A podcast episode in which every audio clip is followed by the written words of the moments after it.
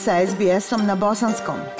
Pronađite još sjajnih priča na sbs.com.au kosacrta bosnijan.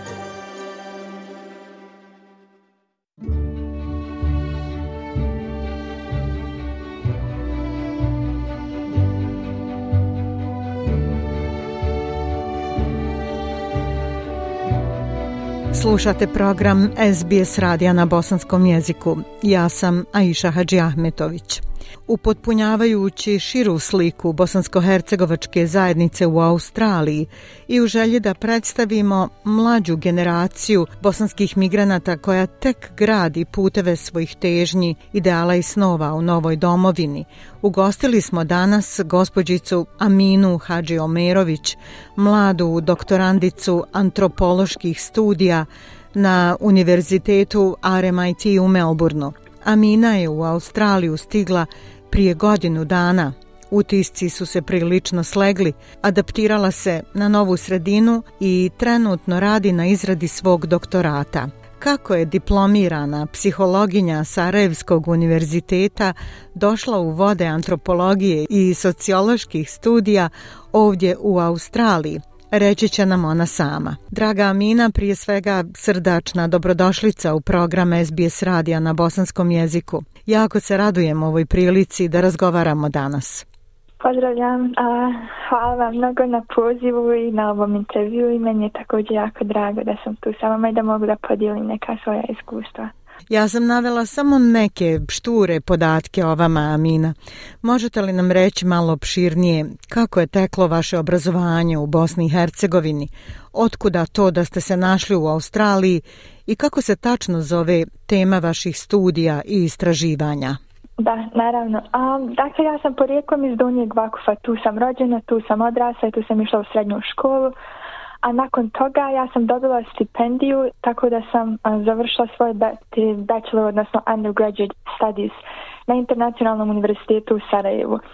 A tu sam studirala psihologiju i imala sam također priliku, pošto sistem na tom specifičnom univerzitetu malo je drugčiji od e, regularnih bosanskih studija, tako da sam imala priliku i da se bavim ovom takozvanom minor diplomom u sklopu izradi filma a nakon što sam završila psihologiju, nekako sam shvatila da želim da ostanem u tim nekim istraživačkim vodama i tu sam i počela da tražim, odnosno da apliciram za master studije širom Europe kao i većina moje generacije jel, koji nekako nastoji da izađu iz Bosne zato što tu i nema toliko prilika da se bavim onim čime mi u stvari želimo. Na samom početku ja sam u stvari provela par mjeseci u Americi u vezi ovog takozvanog work and travel programa gdje sam se prvi put i sa našom bosanskom dijasporom tamo naroče to sa jel, preživjeli, onima koji su preživjeli genocid u Srebrenici.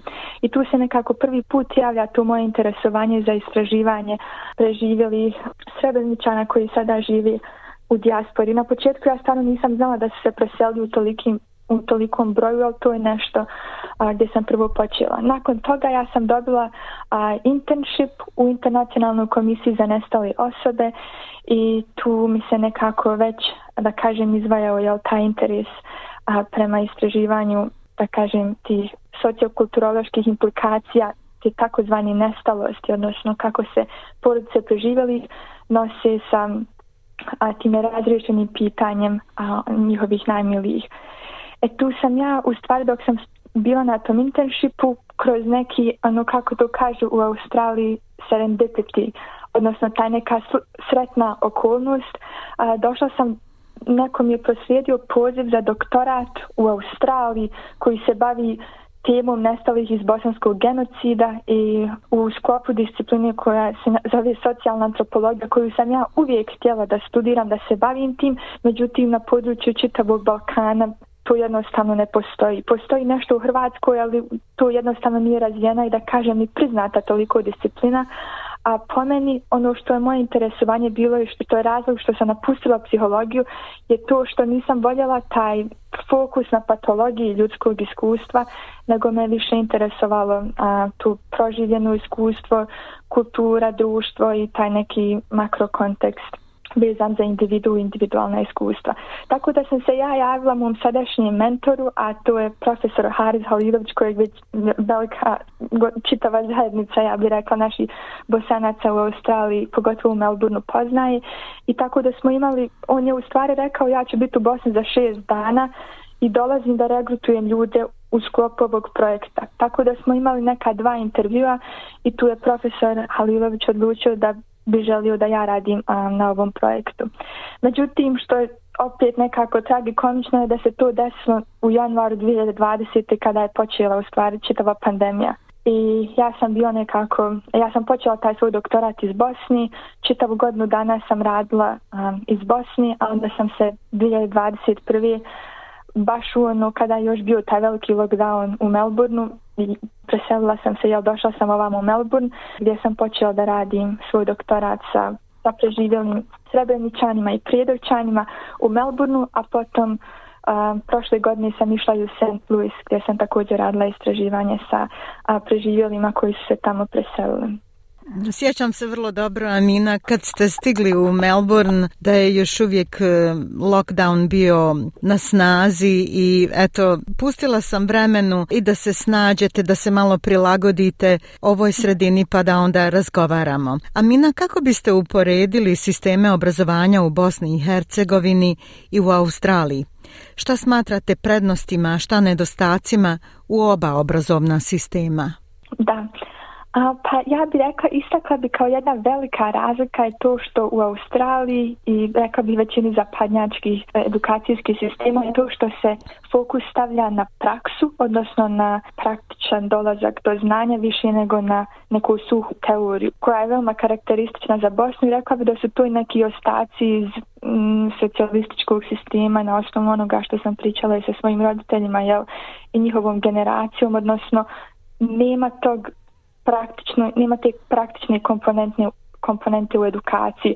Što se tiče samog istraživanja i ne znam, internshipa različitih praksi, nego svede se na ono što slušamo jel, u tim teatrima i onda se očekuje da imate nekoga ko je spreman da, da se suoči sa tom, sa industrijom jel, pronalaskom posla i da dijeli unutar svoje ekspertize što ja mislim da je da nema neke logike a vidim da se u Australiji to jako dobro radi ja ne mogu da kažem mnogo u vezi nemam mnogo iskustva sa predavanjima na Australiji, to, to jeste iskustvo da sam ja u nekoj učinci zato što se eh, eh, doktorat se svodi na jedan veliki projekat koji sam student treba da iznese. Je li to mm, više veza nekako bi rekla bi za, za nego za za amfiteatar ili učioncu, tako da je to ono što ja mogu da kažem iz svog iskustva.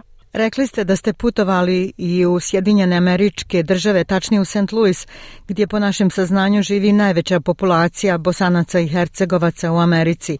Kakva su vaša zapažanja s tog putovanja i kako biste uporedili američku i australijsku bosansko-hercegovačku zajednicu? Da, pa za mene to je bilo To je bilo jedno stvarno interesantno iskustvo, jer prvo, prva, kako da kažem, e, dijasporska zajednica sa kojom sam ja provela više vremena i upoznala se, to je bila ova u Melbourne, odnosno naši ljudi koji žive u Dandenongu i St. Albans, tu sam najviše vremena provela. I nekako ja bih primijeta da su ti životi puno su nekako, rekla bih, življi, te, odnosno te zajednice. Ljudi se dosta druže, a postoji mnogo tih događaja gdje su svi nekako skupa, dosta toga se slavi. Bila sam recimo uh, u St. Albansu kad, uh, kada je bio dan Australije i tu bude jedan veliki piknik i ljudi su, smiju se, zajedno su, što je meni bilo jako lijepo da vidim. E onda kada sam otišla u Ameriku ja sam stvarno očekivala pošto po nekim podacima oko 75.000 bosanaca se preselila u St. Louis. Kao što ste rekli, to je najveća zajednica. Ja sam očekivala da će biti nekako, da će se ljudi još više družiti, da će to biti nekako još veselije. Jel? Međutim, ono što sam zatekla stvarno jeste taj neki a, taj kapitalizam jel, koji tjera ljude da konstantno radi ono što mogu da kažem je da ljudi tamo daleko više radi nego ljudi u Australiji i ovdje mislim da je kvalitet života ponovno iz mog nekog ličnog zapažanja. Da je život u Melbourneu nekako puno, rekla bih, kvalitetniji i bolji nego u St. Louis s obzirom da je i sve nekako daleko i ljudi žive daleko jedni od drugih. Ne žive više u onom dijelu a, Bivo mil gdje su živjeli na početku, gdje je takozvana Mala Bosna, nego sad se nekako preselili u, pošto su jel stekli i, i rade, imaju bolje uslove za život, tako da se preselili više ovamo u, u, u ta predgrađa. I kada sam kroz neke razgovore sa njima primijetila sam da evo od, možda kako su mi rekli od 2005. godine ne postoji više aktivno ta druženja nego ljudi se više okrenuli poslu i radi otprilike 6 od dana u sedmici, što je za mene bio jedan veliki šok i nekako puno mi se više sviđa ovaj kontekst ovdje u Melbourneu, ali opet to je neko subjektivno razmišljanje, jel? Posvećeni ste studijama, ali vjerujem da pronađete i da pronalazite vremena i za druženje i socijalni život ovdje u Melbourneu. Amina, kako provodite slobodno vrijeme? Jeste li naš nove prijatelje? I šta vam se najviše sviđa u Melbourneu? Da, ja sam pronašla nove prijatelje što mi je ono nekako na početku mi je bilo malo teže zato što je bilo to pravilo da se ne može um, ići dalje unut, od 5 km vaše udaljenosti i onda sam se pitala još plus i lockdown i pitala se kako uopće da pronađem te nove prijatelje ali nekako ono imam te kolege sa fakulteta koji su baš um, kako da kažem, ovdje kako kažu veoma su welcoming, topli su i nekako upoznali su me sa svojim prijateljima sa kojima imam neka zajednička interesovanja, tako da ja većinu kada god imam slobodnog vremena nastojim da odijem negdje u neke planine ovdje u Viktoriji, idemo na taj hiking, to je ono što ja jako volim da radim. Jer većinu vremena provedem u gradu i na biciklu idem ono od kuće do fakulteta i onda nekako nastojim da kad imam slobodnog vremena jednostavno da podignem prirodu, da idemo na to kampovanje i slično. U Melbourneu jako mi se sviđa što postoji ta velika umjetnička scena i veoma je, ljudi su veoma vrijednovani za svoj kreativni izražaj i što mi je neko ovdje rekao da Australaca, e, rekli su kao mi u Melbourne imamo loše vrijeme, tako da smo se okrenuli ka tome da budemo jel, unutar neka četiri zida ispod nekog krova, tako da smo se više okrenuli umjetnosti. A ja i sama imam te neke jel, umjetničke porve, volim da, kreativna sam i volim da se bavim tim također u slobodno vrijeme, tako da mi se sviđaju jel, muzeji, različite izložbe i street art, odnosno na što god mogu nekako da naletim dok sam u gradu. Sigurno je da ovaj grad nudi mnoge mogućnosti, kulturne sadržaje tokom cijele godine u kojima svako može pronaći nešto za sebe. Amina, šta biste istakli kao najveću vrijednost vašeg boravka u Australiji? Hmm, to je dobro pitanje. meni, mogu da kažem da jedan dio koji je meni bio, e, to je bio za mene kulturološki šok, ali nešto na što sam morala da se naviknem i sad E, iz ove perspektive jako mi je drago da sam to nekako usvojila, a to je da se držim pravila. Jer tokom života i odrastanja u Bosni jednostavno postoji taj neki sentiment da pravila su tu da se krše i sistem ne radi ništa e, što će biti od benefita jel, za, za korisnika, odnosno jel, za nas neki obične ljude. A ovdje u Australiji ono što sam primijetila da sistem stvarno radi da poboljša život i kvalitetu za a ljude koji tu žive. Tako da mi na početku bilo teško malo prilagoditi se mi ali sam naučila on um, tako internalizirala te vrijednosti i rekla bi da mi je to bilo najvrijednije do sad. Usvajanje jednog novog načina života i jedne posebne vrijednosti, jel tako? Da, da. I naravno isto tako rekla bi sloboda izražavanja u smislu da ja sprovodim istraživanje unutar teme za koju ja mislim da je jako bitna i, ja, i ovo je nešto što ja želim. A u Bosni e, mislim, moramo biti realni, ja nisam, ni ja, ni moja generacija jednostavno nemamo priliku, fali nam prilika.